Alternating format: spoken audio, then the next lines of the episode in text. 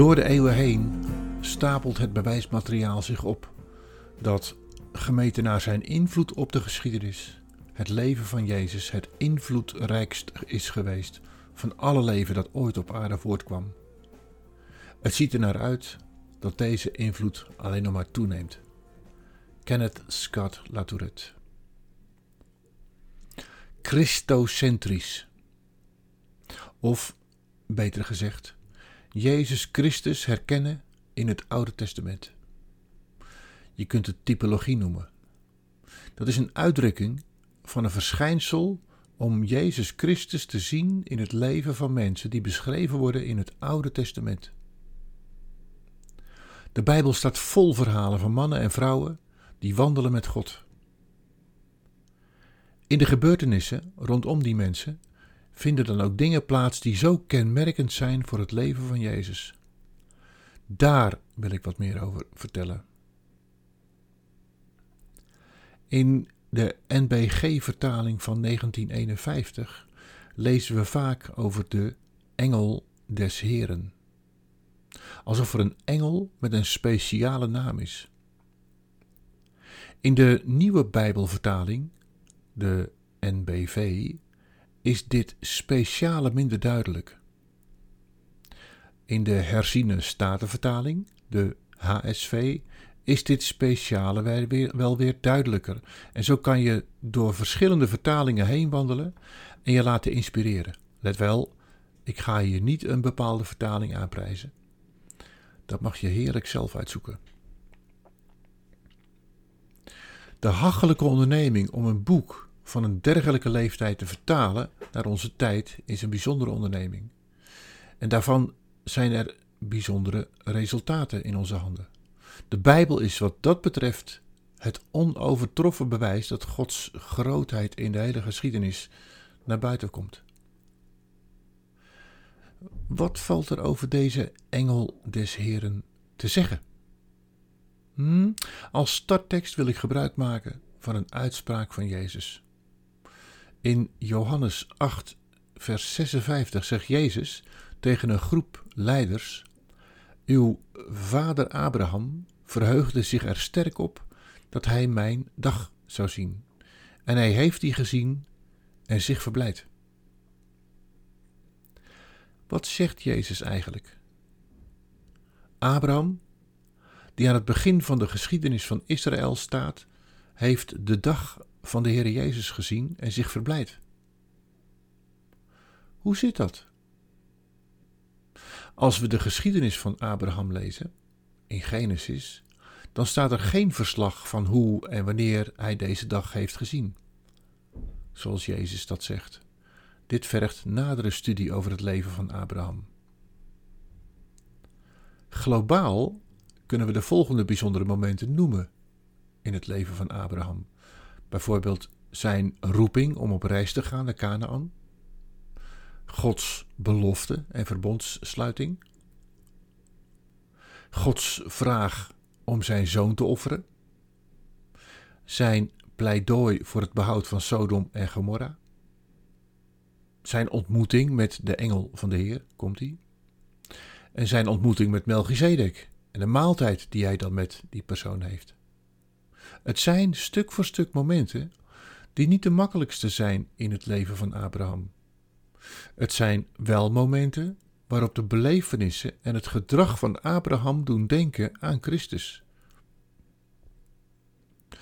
Dat hebben we ook bij onze hoofdpersoon, Mozes.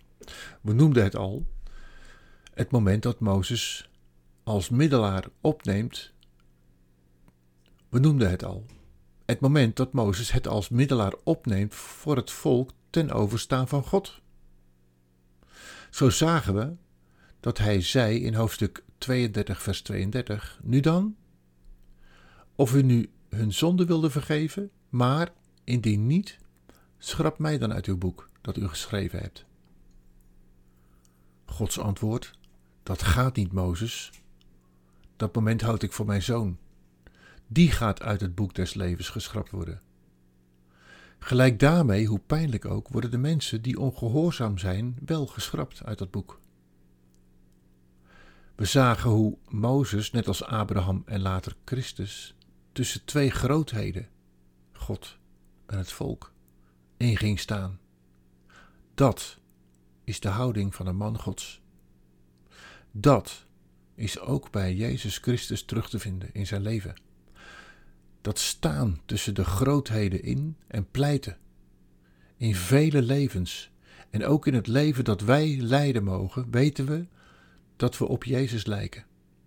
Dat is niet een verdienste, dat is Gods keus. Er is meer uit het leven van Abraham waar het blijkt dat hij Jezus dag verwachtte en die gezien heeft.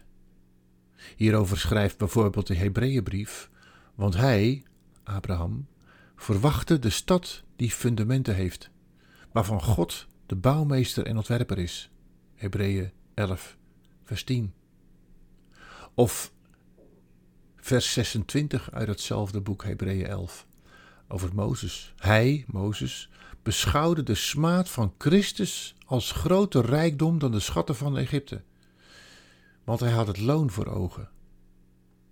En zelfs de levens van de godsmannen en godsvrouwen in het Oude Testament gingen niet over rozen. Soms leek hun tocht meer op platgetreden paden. Het was zoeken en ontdekken. Het was fouten maken, vallen en opstaan. Maar nooit opgeven. Nooit. Maar als we het verslag van die levens teruglezen en Jezus erin zien, dan geeft dat ons de bemoediging om ook in de mensen om ons heen en ook voor jouw eigen leven, om te weten dat Jezus door hun en door jouw leven zichtbaar wordt. En dat Hij dat ook wil met ons leven. Alles zal op zijn plek vallen en medewerken ten goede. Je kunt dat teruglezen in de brief van Paulus aan de Romeinen, vers, hoofdstuk 8, vers 28. Het is het verhaal van God met ons in het Oude Testament. Het was toen al dat God er naar uitzag een ontmoeting, ja, een relatie met ons te willen hebben. Al die jaren, al die eeuwen moet God zich verschrikkelijk gevoeld hebben, omdat de mens die relatie had verbroken. Als we Jezus kunnen vinden in het Oude Testament, zullen we Hem beter begrijpen in het Nieuwe. Gods plan was om eens en voor altijd af te rekenen met de zonde die ons in de weg staat. En door zijn zoon te sturen werd dit gerealiseerd. God werd mens. Laten we niet lichtzinnig over dit fenomeen denken. Het werd onmogelijk geacht en toch werd het mogelijk. Veel religieuze mythen gaan over de menswording van goden, maar de achterliggende reden van de ene, hij die het echt voor elkaar kreeg, is ongekend. Als mens, zonder zonde, zonder scheiding tussen hem en de Vader, is hij naar de aarde gekomen om relaties te herstellen. Ik stel me zo voor dat alles en iedereen in de hemel met spanning uitkeek of dat wel zou lukken. God die mens wordt en sterft? Zou God ook ademloos hebben getwijfeld? Zal het absoluut onmogelijke gebeuren? Wij weten hoe het afloopt, maar op dat moment? De grote scheiding werd opgeheven. En dan nu? Leven na de opstanding, na de grootste nederlaag die de grootste overwinning werd? Laten we niet onverschillig aan de kantlijn blijven staan, maar God bezingen. Net als de commentator van een spannende voetbalwedstrijd uiteindelijk buiten zinnen is, als de wedstrijd dan toch gewonnen gaat worden. Wie gaat de hemel beschreeuwen over het moment van de overwinning? De hemel is weer open. Even wat anders. Waar was jij op 6 mei 2002? Weet je dat nog? Als ik het je vertel, wat er die dag gebeurd is, dan weet je het misschien wel. Het was de dag dat Pim Fortuyn vermoord werd. De reizende ster in het politieke firmament was tot op grote hoogte gekomen. En vlak voor de verkiezingen waarschuwde hij de journalisten nog dat hij de volgende minister-president zou zijn. En die kans was niet uitgesloten. Het heeft een andere wending gekregen toen hij op brute wijze van het leven werd beroofd. In de weken erna moest zijn gedachtegoed worden overgenomen door de partij waarvan hij de grondlegger was. Verschrikt en desolaat keken de volgelingen van de vermoorde man naar elkaar en voelden de spanning. Wie gaat de groep leiden? Wie is in staat om een dergelijke persoonlijkheid op te volgen? Het werd uiteindelijk Matt Herben. Met de boeken van Pim in zijn hand vertelde hij dat hij dit zou oppakken en dat als hij er niet uitkwam, dan de boeken van Pim hem uitkomst zouden geven. Bijna had Matt Herben een armbandje om. Met WWPD. What would Pim do? Herbe vertelde de groep dat hij in de geest van Pim de partij door de verkiezingen heen zou leiden. Je zag hem kijken. De geest van Pim is op mij, zodat ik het beste zijn gedachtegoed kan uitwerken en daarmee de partij tot een succes kan maken. Het is misschien een uh, grote stap, maar onwillekeurig vergelijk ik de hiervoor beschreven situatie met een passage uit de Bijbel. Jezus, die vlak na de verzoeking in de woestijn in Nazareth de synagoge inloopt zoals hij gewend was om te doen, en daar de boekrol van Jezaja in handen krijgt. Hij koos het deel van Jezaja 61 en las voor: De geest van de Heer is op mij omdat Hij mij gezalfd heeft. Hij heeft mij gezonden om aan armen het evangelie te verkondigen, om te genezen die gebroken van hart zijn, om aan gevangenen vrijlating te prediken en aan blinden het gezichtsvermogen, om verslagenen weg te zenden in vrijheid, om het jaar van het welbehagen van de Heer te prediken. En toen hij het boek dicht gedaan had, ging hij zitten al de ogen van hen die in de synagoge waren, was op, waren op hem gericht. En hij begon tegen hen te zeggen: Heden is deze schrift in uw oren in vervulling gegaan. En zij betuigden hem allen hun instemming en verwonderden zich over de woorden van genade die uit zijn mond kwamen en zeiden: Is dit niet de zoon van Jozef? het schriftwoord voor je eigen oren in vervulling zien gaan, is een werkelijk bijzondere gebeurtenis. Gods geest is op Jezus. Maar daar blijft het niet bij. Door het sterven en het opstaan van de zoon is ook eh, de mogelijkheid gekomen dat diezelfde geest de kracht biedt om niet alleen Jezus uit de dood op te wekken, maar ook ons ter beschikking wordt gesteld. Efeze 1, vers 18 tot 21 opstaan uit de dood. Overwonnen, terwijl het nauwelijks te bevatten is. Maar wat is moeilijker? Geboren worden of verrijzen? Iets dat nooit geweest is, doen geboren worden? Of iets dat al opnieuw uh, opstaan uit de dood, overwonnen, terwijl het nauwelijks te bevatten is. Nou, nog een keer. Opstaan uit de dood, overwonnen terwijl het nauwelijks is te bevatten. Maar wat is moeilijker? Geboren worden of verrijzen?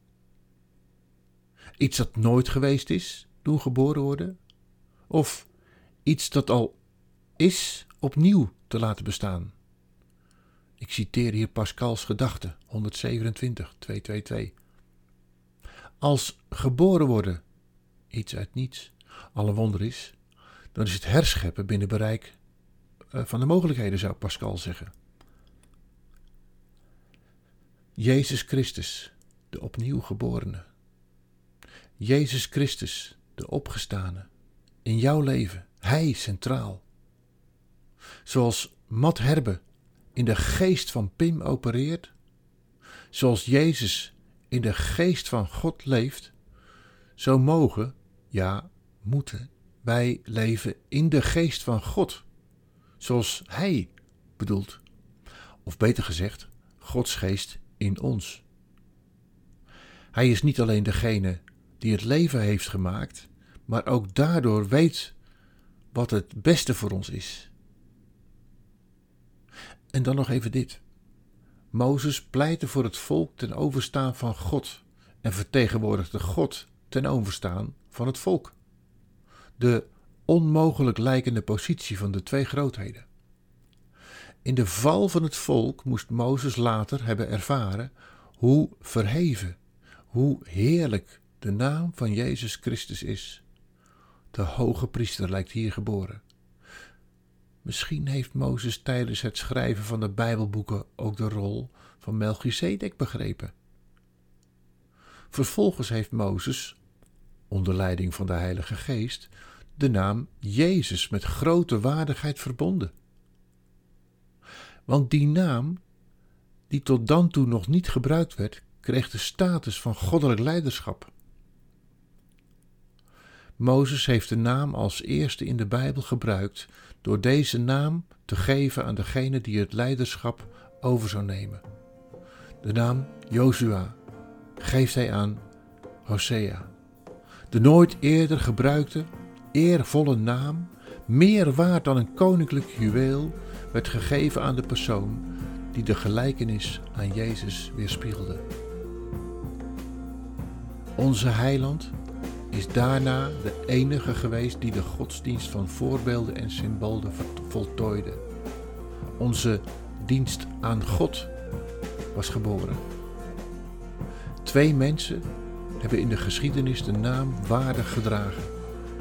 Nu die weerspiegeling in de vroege geschiedenis zo blinkt, staat er voor ons niet, niets meer in de weg om dat na te volgen. Om op Jezus te lijken.